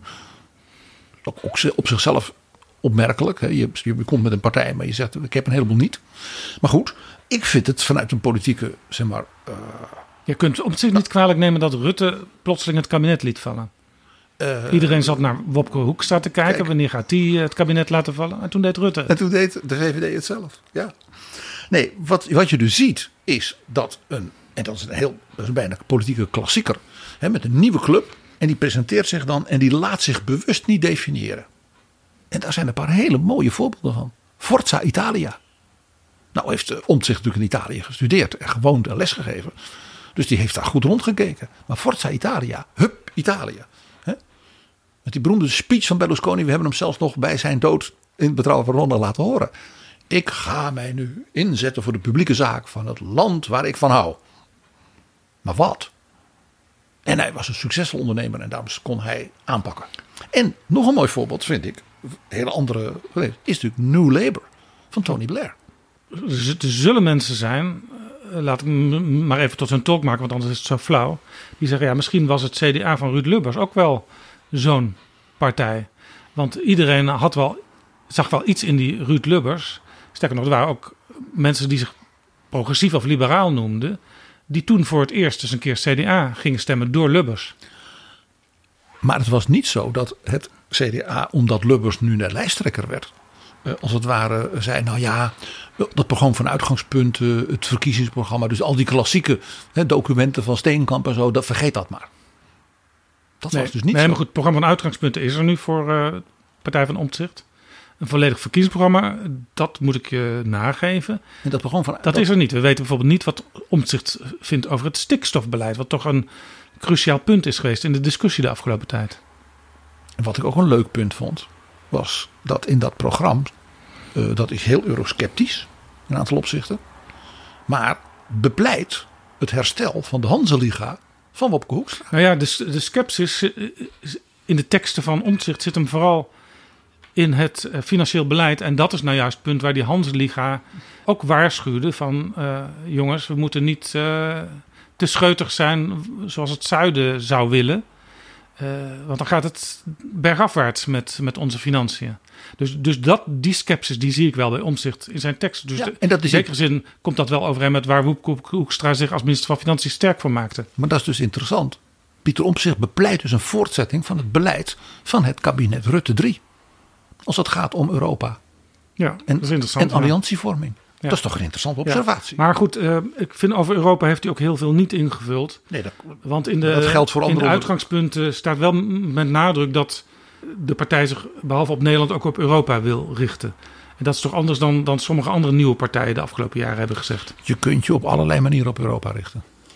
Nee, maar dus die, dat catch-all party aspect, dat is op zichzelf wel, dat is wel interessant. Nou ja, wat, wat, wat Omtzigt vooral doet op dit moment, ook met al zijn dingen over de bestuurscultuur en, en het systeem moet anders.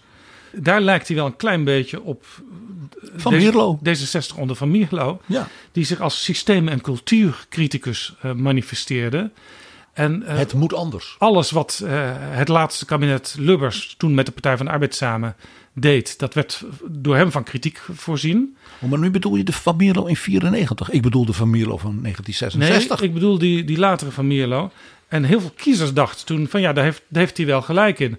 Want ja, het is natuurlijk uh, makkelijk om zeg maar niet heel, helemaal blij te zijn met alles wat zo'n kabinet dat compromissen moet sluiten en dat allemaal struikelblokjes heeft, doet. En dat is nu ook het voordeel van Omtzigt, dat hij kritiek kan leveren en dat veel mensen daar wel iets in herkennen. Maar het interessante is, ik, ik vind dus die uh, zeg maar, Hafmo-analogie, die is mij ook opgevallen. He, daar zit dus uh, dat element in van ja, die verzuurde politieke cultuur van Lubbers en Kok. En die Lubbers moet, dat is nog uitgeregeerd. Dat. Met de instrumentatie, focus van de Van Mierlo van 1966, 67. Een districtenstelsel gekozen premier, waarbij dus technocratische bestuurlijke oplossingen een intrinsiek goed resultaat zouden opleveren. Wat natuurlijk weer, grappig genoeg, typisch verlichtingsdenken Ja, hij zegt zelfs letterlijk omzicht. Die systeemverandering heb je nodig voordat je goede besluiten kunt nemen. En dan zeg ik, dat is inderdaad Rousseau. Dat is verlichtingsdenken. We gaan het beter organiseren en dan worden de mensen vanzelf goed. Dat is eigenlijk dus ultraliberaal. PG, als we nu naar de peilingen kijken. En we kijken in principe nooit naar peilingen in betrouwbare bronnen. Want peilingen zijn palingen. Uh, maar dat doen we dus toch eventjes. En dan zien we uh, dat BBB, wat de grote bedreiging van iedereen leek te zijn lange tijd. Dat bleek ook bij de Eerste Kamerverkiezingen. Al voordat Pieter Omtzigt zich met zijn eigen partij meldde. Een derde van de potentiële zetels was kwijtgeraakt. En zodra Omtzigt zich daadwerkelijk meldde met een eigen partij. Uh, is daar weer een derde van die oorspronkelijke hoge zeteltallen afgegaan. Nou, daar kun je dus één ding uit concluderen. Dat is dat het enthousiasme uh, uh, is hete lucht. Maar dat geldt ook voor omzicht. Dat ja. geldt misschien wel ook maar dan voor hebben anderen. We, hebben we het dus nu over uh, het kiezersvolk. Hè? Het wispelturige kiezersvolk. Ja. Nou, de vraag is dus of dat wispelturig is. En ik je zeg, het is hete lucht. Uh, hij zegt, ja, die zijn in, veel in beeld, dus dan noem je die naam. Dat zegt dus nog niks. We zien alleen wel, en dat is een hele interessante trend, wat ik maar noem ontsplintering. We hebben natuurlijk nu jaren gehad van uh, steeds meer kleinere partijen. Hè. De, de VVD was dan nu de grootste met in de 30. Ja, en daarna D66 met 24, wat eigenlijk een heel laag getal is. Ja. In de historie gezien. Ja, voor D66 hartstikke mooi. Ja, maar Ook voor in de partijen historie, in Nederland die aan de macht waren niet. Precies. En we zien nu in de, zeg maar, de langerlopende trends, wat, je, dat, wat meer is dan peilingen, zal ik maar zeggen, is dat heel veel van die splintergroepen, ook natuurlijk door hun eigen onderlinge gedrag, hè, wat ik altijd maar noem cannibalisme, separatisme, sociaal darwinisme, elkaar en zichzelf de das omdoen. 50 plus, bijeen, ja 21, BVNL, ook Denk. Het is de vraag welke van die partijen überhaupt nog terugkeren in de Ja, Tweede maar dat Kamer. zou dus leiden tot wat ik noem ontsplintering. Want als die splinters allemaal, ze halen met elkaar 7% van de stemmen, maar niet één haalt genoeg voor één kamerzetel. Maar als we, zoals in Duitsland, eh, een kiesdrempel hadden gehad van bijvoorbeeld 5%, dan waren die partijen er sowieso nooit ingekomen. Ja, maar we zijn niet in Duitsland. Dat kan ik niet Want veel helpen. partijen zijn met één of twee zetels begonnen ooit. Ja, maar dat kan ik niet helpen. We zijn niet in Duitsland. Ik zie die ontwikkeling nu. En dat zou dus kunnen wijzen op dat, wat wij noemden, dat die, dat die herdefinitie die Timmermans met zijn mensen probeert, daardoor geholpen wordt. Als er heel veel kleine partijen het net niet halen, ja, is dat gunstig voor de grotere blokken. Ja. Tegelijkertijd zien we nog iets. We zien dus twee van die splinters. Eén een afsplitser, één een club die één zetel haalde. Ik heb het dus over, bij die laatste is BBB. Ja. En die eerste is het nieuw, nieuw sociaal contract. Partij. Dat die de kans hebben om te expanderen. Ja, dus je, je zou kunnen krijgen dus veel minder splinters, maar twee ervan die omhoog schieten. Dat is een nieuw politiek fenomeen. Daarbij is het ook denkbaar, als je gewoon kijkt naar de langere termijn, zoals we die nu kennen, dat we dus iets gaan zien wat we ook nog niet eerder hadden, is dat we wel middelgrote partijen hebben, maar eigenlijk niet één meer echt groot. Nee, wat je dus ehm, ook gaat zien, en dat vind ik ook een hele interessante beweging, is dat een tweestrijd, eh, waar altijd partijen belang bij hebben om die te creëren. En meestal is het zo dat je hebt de partij van de premier en dan probeert één van de andere partijen de partij daar tegenover te worden. Want heb je, daar kun je altijd electoraal garen bij spinnen als je in dat frame jezelf kunt plaatsen. Het zou wel eens zo kunnen zijn dat er een tweestrijd niet of nauwelijks op gang komt bij deze verkiezingen. dat er drie, vier, vijf strijd komt. Bijvoorbeeld, eh, wat ik niet ondenkbaar acht, is dat we dus iets gaan krijgen wat we nooit eerder hadden. Dat je vier partijen hebt die zeg maar tussen de 20 en 30 zetels en maar rond de 25 halen. Namelijk de VVD, Verenigd Links, BBB en Nieuw Sociaal Contract. Ja, waar BBB dus al flink aan het wegzakken is in de Ja, maar peilingen. goed, stel dat ze toch wat overeind houden. Maar ja, aan de andere kant, je weet ook niet waar Pieter Omtzigt over een aantal weken staat. Want toen zijn naam nog als suggestie werd voorgelegd, toen was er een potentieel van 46 zetels. En ja, inmiddels zit hij rond de 30 zetels, nu die echt meedoet. En nu het dus ook langzaam een klein beetje duidelijk wordt waar hij echt voor gaat staan. En we nog eigenlijk niet weten waar hij mee komt. Ook wat betreft bemensing, eh, de aard van het betoog. ja. En concrete dingen. Ja, er is nog een beweging, eh, PG, behalve dat er misschien wel geen tweestrijd uit gaat rollen uit deze campagne. Eh, het gaat altijd ook eh, de laatste zoveel verkiezingen om het premierschap. Is de lijsttrekker ook de kandidaat voor het premierschap? En meestal was dat zo. Maar in plaats van om het premierschap gaat het bij deze verkiezingen ook om iets anders, namelijk de controle op de macht. En dan kun je eigenlijk zeggen, ja, dat is toch waar Kamerverkiezingen oorspronkelijk ook om begonnen waren. De samenstelling van de Tweede Kamer. En die moet uiteindelijk de regering controleren. Maar het gaat natuurlijk wat ver, zou ik maar zeggen. Als je zegt, ja, we vinden dat premierschap zo onbelangrijk dat ik vast van tevoren meld dat wij geen premier willen leveren. We willen zelfs niet de grootste worden. En Eigenlijk zeg je dan tegen kiezers, ik wil uw steun, maar niet uw stem. Eh, hij groeit te snel.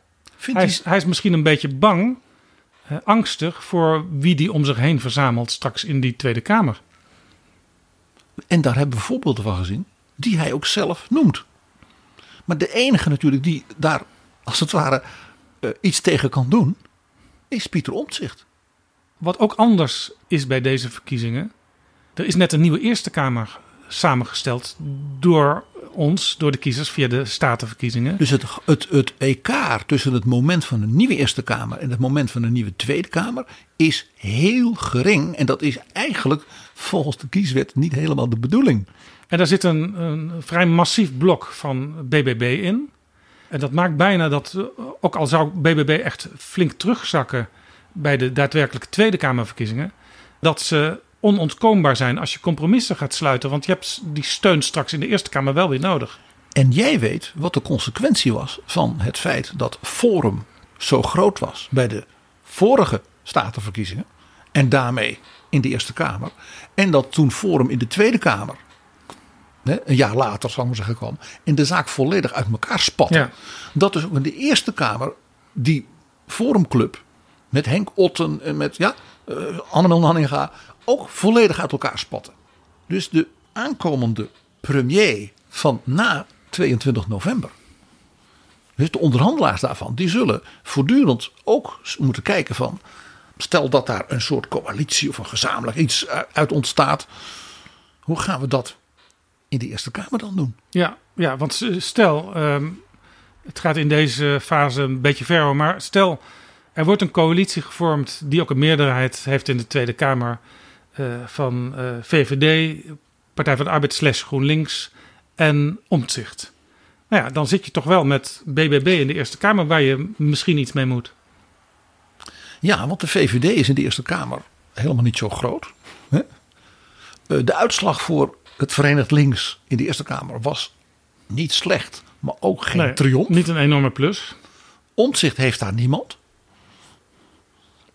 Daar is het CDA misschien dan groter dan in de Tweede Kamer. Dus dat wordt heel. Nou, ik zou bijna zeggen, dat is wat eh, Hans van Milo zou noemen een krankzinnig avontuur.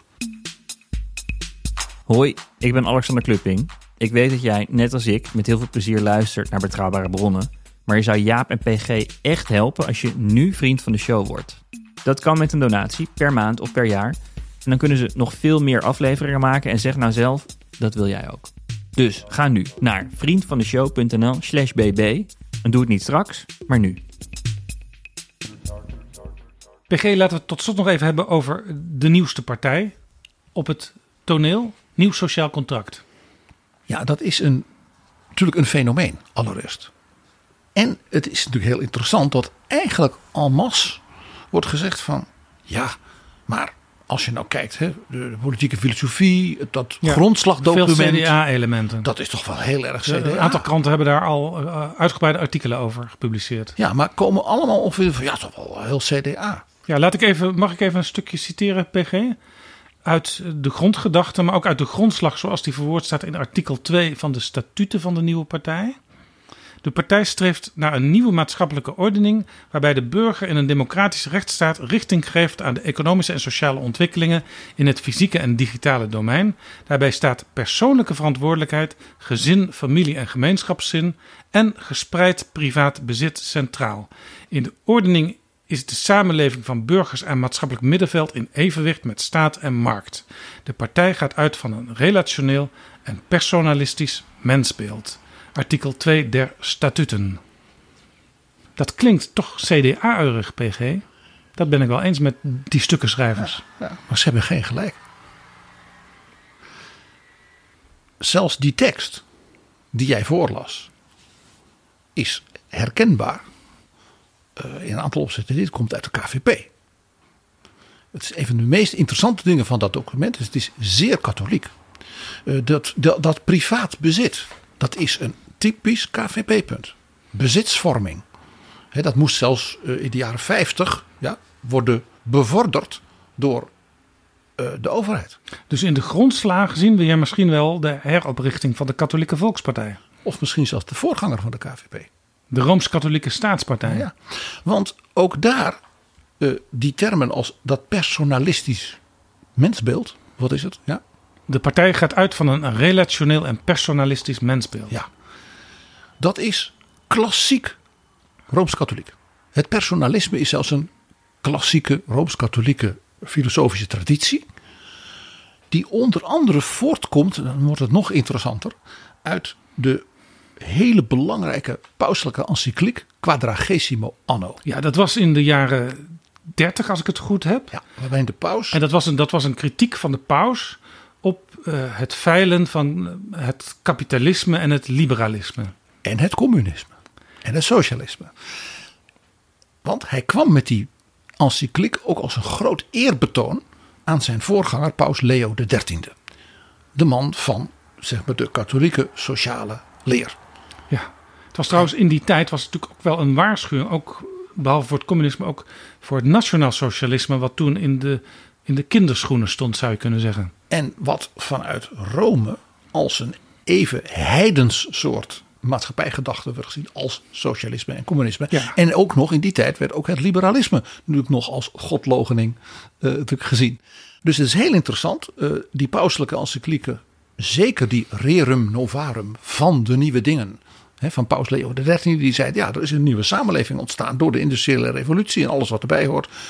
En jij moet vanuit dus je geloofsovertuiging opkomen voor de armen, voor de arbeiders, die moet je gaan Ja, en organiseren. deze encycliek die kwam precies 40 jaar later, vandaar ook het de 40, naam. het 40ste jaar. Dus die katholieke sociale gedachte is als het ware een aantal keren gemoderniseerd, zou je kunnen zeggen op die manier. En daarin heeft dus altijd gezeten dat element van het personalisme, namelijk dus de hele mens. Die, die termen zitten ook voortdurend in dat document.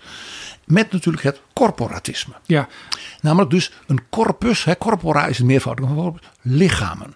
Dus de mens is niet alleen maar een individu, nee, bij voorkeur niet.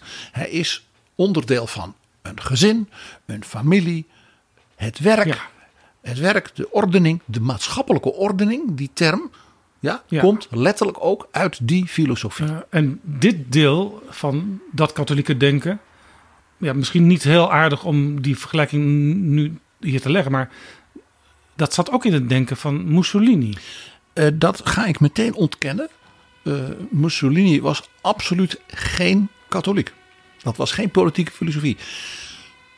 De gedachte van een corporatistische maatschappelijke ordening zat ook in die katholieke sociale leer. Ja. Maar niet alleen daar.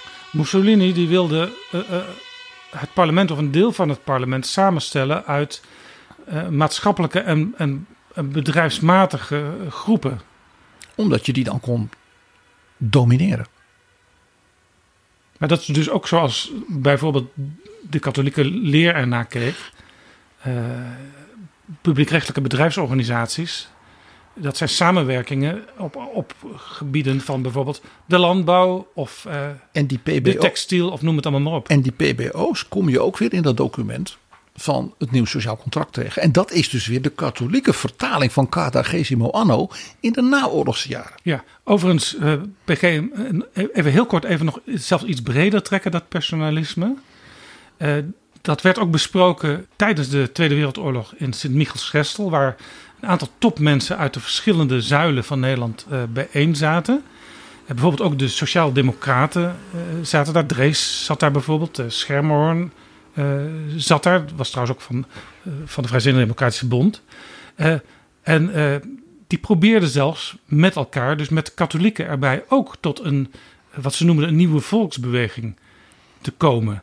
En het woord personalisme werd daar ook aan de linkerkant ook ge- gebezigd. Omdat men dus die katholieke filosofie een plek wilde geven waarbij ze als het ware ja, een soort consensusmodel uit kon ontstaan vanuit de nationale nood eh, en de bezetting en het eh, wat natuurlijk ook daar speelde dat men zowel diep anti-nazi was als ook anti-communistisch. Ja, overigens de, de, de mensen die nog in de RKSP zaten, de partij die dan later opgevolgd zou worden, de KVP, eh, die, die zeiden op een gegeven moment, ja, wij kunnen toch niet echt met jullie in een partij, bijvoorbeeld de Partij van de Arbeid, zat men over te denken, samengaan. Want jullie hebben het inmiddels over personalistisch socialisme en dat gaat ons te ver. Dat was natuurlijk een poging om het een beetje bij elkaar te brengen. Nou, wat ook heel interessant is van dus de wel zeer sterk katholiek doordezemde zowel taal als denken als concepties eh, in dit stuk, is natuurlijk dat, eh, en dat werd genoteerd, zag ik hier en daar, dat Omtzigt zelfs das kapitaal van Marx aanhaalt over de productiemiddelen. Nou, nou. Dat is interessant. Maar ja, het is niet de Marx die de auteurs dachten. Het is wel een, een, een, Marx uit Trier. Zeker. Daar Karl Marx. Karl Marx vandaan ook. Die is daar geboren. Maar er is nog een Marx. En die heet Reinhard Marx. En dat is de aartsbisschop van Trier.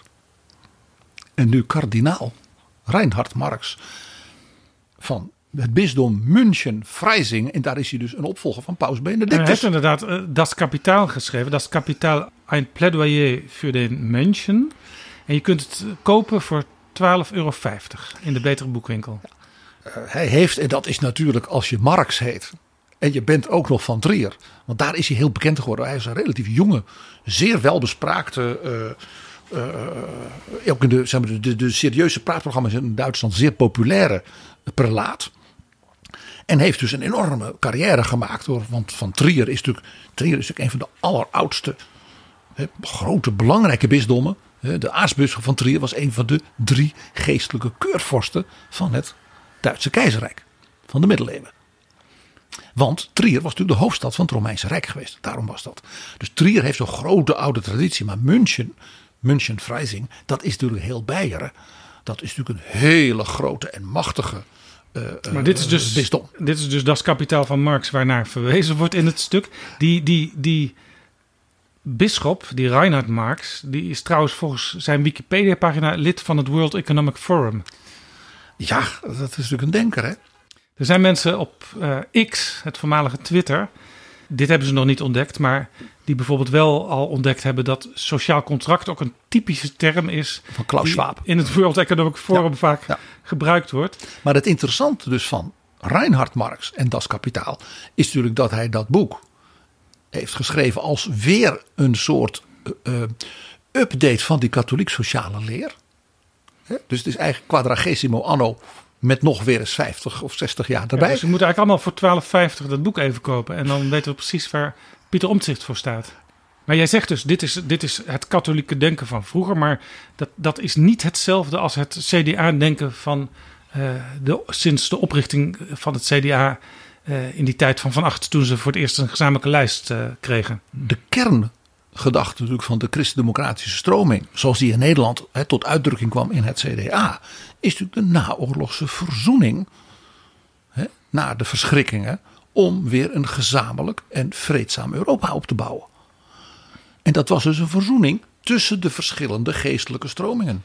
De CDU in Duitsland, die bijvoorbeeld ook altijd zegt: wij zijn een christelijk-democratische union, een unie, waarin dus zowel de klassieke katholieken als de protestanten, als de conservatieve en liberale tradities van Duitsland bij elkaar komen. Ja. Het CDA heeft ook altijd gezegd: zie de programmastukken. Wij zijn niet een confessionele partij die vanuit één geloofsrichting redeneert.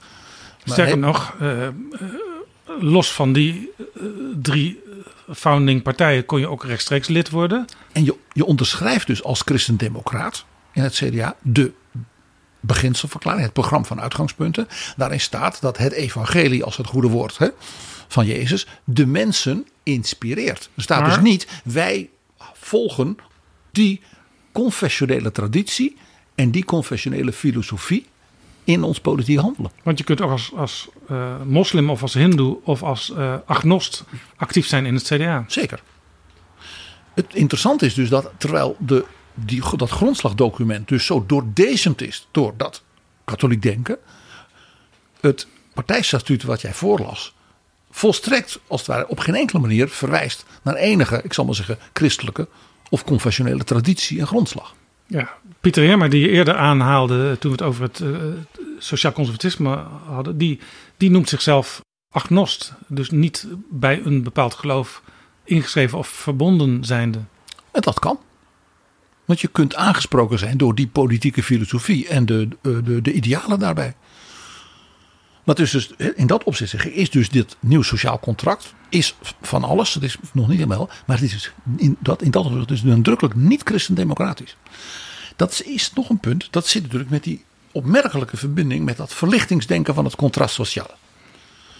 Dat is daarom ook zo interessant, omdat dat natuurlijk bij Rousseau juist bedoeld was als aanval op die katholieke maatschappelijke ordening en met die hiërarchische eh, eh, wereld van het ancien regime.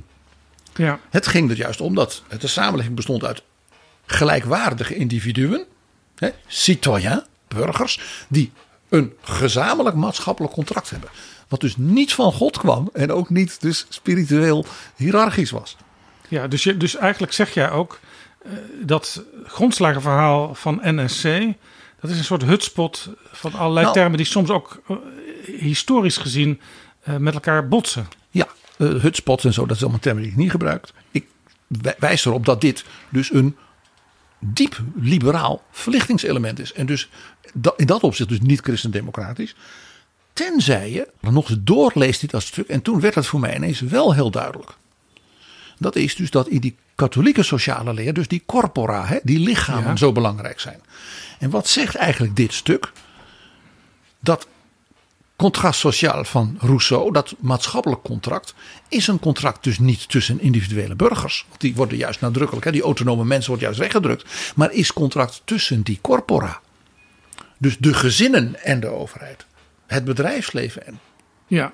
Waarbij Ja, je dus niet als individu Ja. deelnemer bent, maar als deelnemer in een lichaam. Ja, dat is dus weer anders dan eh, zoals personalisme vaak eh, omschreven Maar wordt. dat is dus de corporatistische kant van dat katholieke personalisme. En daarin komt als het ware dus die Rousseau-gedachte, die wordt als het ware verroomst. En dat is dus heel interessant. Maar niet christendemocratisch. Nou, dan een derde element. en Dat we hadden het er even over. Het stuk is nadrukkelijk eh, nationalistisch. In de zin van Nederlandse waarden, Nederlandse identiteit, Nederlandse taal. Ja? En heeft dus een aanzienlijk eurosceptisch element. Je kunt daar lang over praten, maar dat is natuurlijk niet eh, de christendemocratische grondslag, zoals ik zei, van hoe de christendemocratie in het naoorlogs Europa is ontstaan in die verschillende landen vanuit dus de ja, Europese constructie van verzoening en vrijheid. Waaruit blijkt dat nationalisme? Omdat in het stuk nadrukkelijk wordt gesproken over nationale waarden, nationale identiteit, cultuur en taal. Maar de partij zegt tegelijkertijd NRC, we willen behalve in Nederland ook in Europa actief zijn. Ja, maar dat is dus met een sterk sceptische insteek. Het is sceptisch van omzicht tegenover de greep vanuit Europa op de pensioenen, eh, de noodfondsen, de, de, de, de, tegen de quantitative easing door de Europese Centrale Bank. De euro moet de optie, Veel geld, geldaspecten. Ja, en de opties moeten worden bekeken zoals Denemarken, opt-out en dergelijke. Ja. Dus dat gaat veel verder. Maar in het is dus niet de klassieke christendemocratische insteek van. Ja, jij vindt dat te veel wantrouwen richting Europa uitspreken uit alle teksten van ja, en dus, die, en dus die benadrukking van de, de plekken waarde en cultuur dat dat nationaal is. Een, een, een partij als uh, D66 of uh, PvdA GroenLinks zou ook zeggen, of misschien eerder zeggen, uh, wij gaan uit van Europese waarden. Ja, dat moeten ze voor zichzelf weten. Uh, dat is, vind ik nu in dit verband niet zo relevant eerlijk nou gezegd. Nou ja, jij vindt het relevant hoe NSC daarover denkt. Vanuit de gedachte die velen hadden van het is toch eigenlijk net het CDA. Dan zeg ik nou, nee. He, dit raakt wel aan de, zeg maar, de grondbeginselen van waarom de christendemocratie in Europa is ontstaan en functioneert. Nou, dan is natuurlijk nog dat laatste element. Uh, dat heeft te maken met uh, ja, dat idee toch, hè, wat ik zei, dat beetje uh, van Merlo-achtige met we gaan dingen, constructen en structuren veranderen en regels, want dan krijg je vanzelf betere resultaten. Hè? Ja. Zonder dat komen er geen betere resultaten. En er zijn dan twee dingen die we al langer weten, ook uit Omtzigt zijn eerdere boek. Dat is een regionaal kiesstelsel en een constitutioneel hof. Het interessante daarvan is dat als je die samen neemt, dat ze in hun gezamenlijkheid natuurlijk de democratische legitimatie en kracht van het parlement fors. Omdat het Hof achteraf kan zeggen: uh, dit kan het parlement wel besloten hebben, maar dat is in strijd met de grondwet, dus wij keuren het af. Wat je dus krijgt, is dat dat regionale kiesstelsel leidt ertoe dat men vanuit uh, een soort geografische versplintering bevordert, zelfs binnen partijen. Want je gaat uh, in eerste instantie vanuit Groningen of vanuit Deventer of vanuit Maastricht redeneren wat het algemeen belang is. En dat zie je dus in landen met dat soort kiesstelsels. Dat dan ook ineens men als het ware een bepaalde regio dwars door de partijen heen zegt. Hè, denk even Schotland, hè, maar denk ook in de Verenigde Staten. Dat men dan zegt ja, maar we, komen, we moeten nu wel allemaal voor Oklahoma opkomen. Hè? Dus, dat, dus aan de ene kant krijg je op die manier dus dat die nationale afweging als het ware ingeperkt wordt. Ja. En de democratische legitimatie van dus nationaal beleid onder druk komt te staan. Ja, hier lijkt overigens uh, in het laatste, niet, niet wat dat Hof betreft, maar wel wat het kiesstelsel betreft, lijkt omzicht wel op het CDA, want die hadden in hun vorige verkiezingsprogramma ook zoiets. Ja, het CDA had dat toen voor, volgens mij voor het eerst erin. Nou, het CDA heeft geloof ik drie keer achter elkaar een iets ander uh, kiesstelsel bepleit. Al... Het, het, was steeds anders, maar het had, had wel ja. van die uh, regionale elementen erin. Ja, de laatste keer was natuurlijk Pieter Omtzigt ook een, een van de belangrijkste auteurs van dat verkiezingsprogramma. Ja, die zat in de commissie toen. En dit is zijn ding ook geweest toen. Dat maakt het ook wel ironisch. Dat, dat constitutioneel hof, daar speelt nog iets, jij wist daar net al even op. Dat is natuurlijk een, een mechanisme om dus in het parlement niet meer te willen meedoen dat de verschillende minderheidsgroepen daar met elkaar tot een conclusie komen, een consensus over grote thema's. Want er is altijd wel iemand die zegt: Nou ja, je doet maar. Ik ga wel naar het constitutioneel ja. hof. Ik ga klagen. Ik blijf dus hè, hangen in mijn eigen zuiverheid. Ja, dus, dus jij bent bang, of jij denkt, dat bij elke grote politieke verandering. Uh, dat er wel iemand aan de bel zal trekken. Ik ga naar dat hof. Je kunt met elk onderwerp daar naartoe gaan. En dat zie je in de Verenigde Staten. En wat je dan krijgt, is dat je krijgt een, de politieke strijd om het echi gaat dan dus niet meer bij de Tweede Kamerverkiezingen, maar bij wie benoemt de leden van het Constitutioneel Hof. Ja, dan krijg je daar dus een verpolitieking van het rechterlijk systeem. Kan niet anders. Nou, dat zou in Nederland, in het licht op dat wij in Nederland natuurlijk een vrij brede, zeg maar, seculier, liberale, eh, ruimdenkende meerderheid hebben. En niet meer zoals vroeger eh, confessioneel. Dan zouden we nu een constitutioneel hof hebben met een heleboel D66-rechters. Of dat nou een christendemocratische insteek is. is dus voor zo'n constitutioneel hof. Alles kan getoetst worden aan de vraag: is dit wel grondwettelijk toegestaan? NSC is tegelijkertijd er tegen dat burgers of groepen van burgers naar de rechter lopen om te zeggen: regering, doe eens wat met het beleid wat je zelf hebt bedacht. Ze zijn heel erg tegen, zeg maar, de Johan Vollenbroeken van deze wereld, eh, dat die eh, te veel invloed krijgen. Dat vind ik dan toch misschien wel een opmerkelijke tegenstelling. Er zit hier dus in dit deel een aanzienlijke incoherentie. Maar de conclusie is dus, PG... Op hele fundamentele... Deze hele, partij is hele, niet één op één met het CDA eh, te koppelen. Ik wijs op deze vier heel funderende dingen in dat grondslagdocument waarvan ik zeg, die zijn niet christendemocratisch. Nee, het is te vinden in de voorhistorie, in de prehistorie van het CDA. Nee, van, toen er überhaupt van CDA Maar dan moeten we vooral was. aan de katholieke kant kijken. Ja, bij de Rooms-Katholieke Staatspartij en een beetje bij de Katholieke Volkspartij. Ja, en dan die opmerkelijke reis tot in de 18e eeuw. Die lastig te begrijpen is, tenzij je hem koppelt aan dat, die meer corporatistische kant van het denken rondom zo'n contrast sociaal.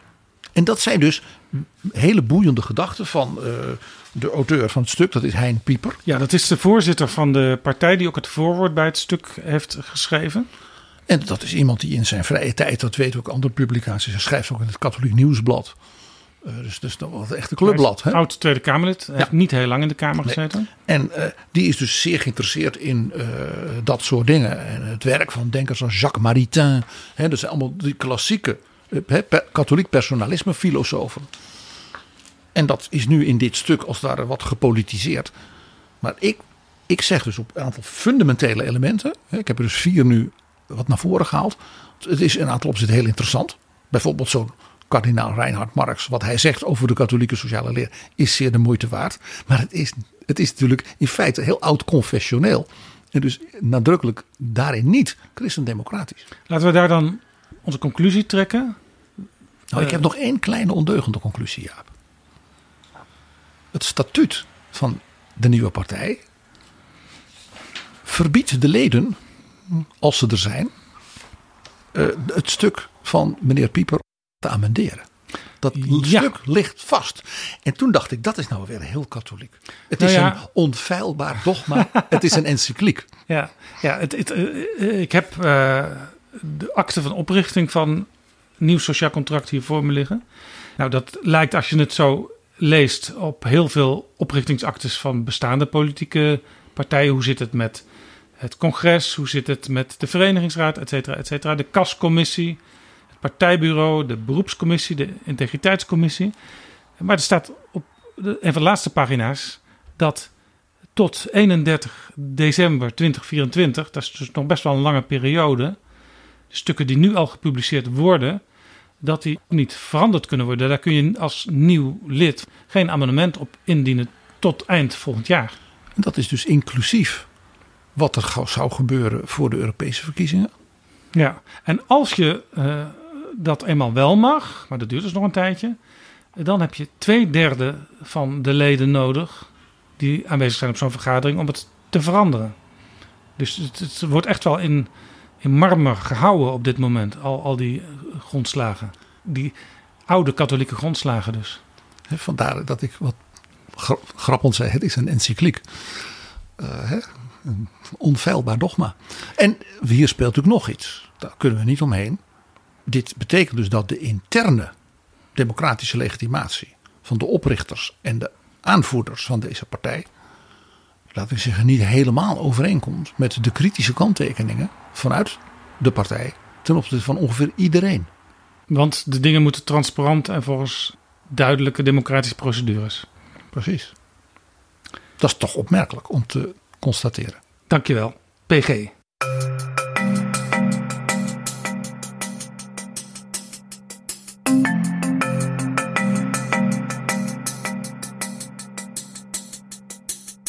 Zo, dit was Betrouwbare Bronnen, aflevering 364. Deze aflevering is mede mogelijk gemaakt door de vrienden van de show. Wil jij ons ook helpen met een donatie? Ga dan naar vriendvandeshow.nl/slash bb. Tot de volgende keer. Betrouwbare bronnen wordt gemaakt door Jaap Jansen in samenwerking met dag en nacht.nl.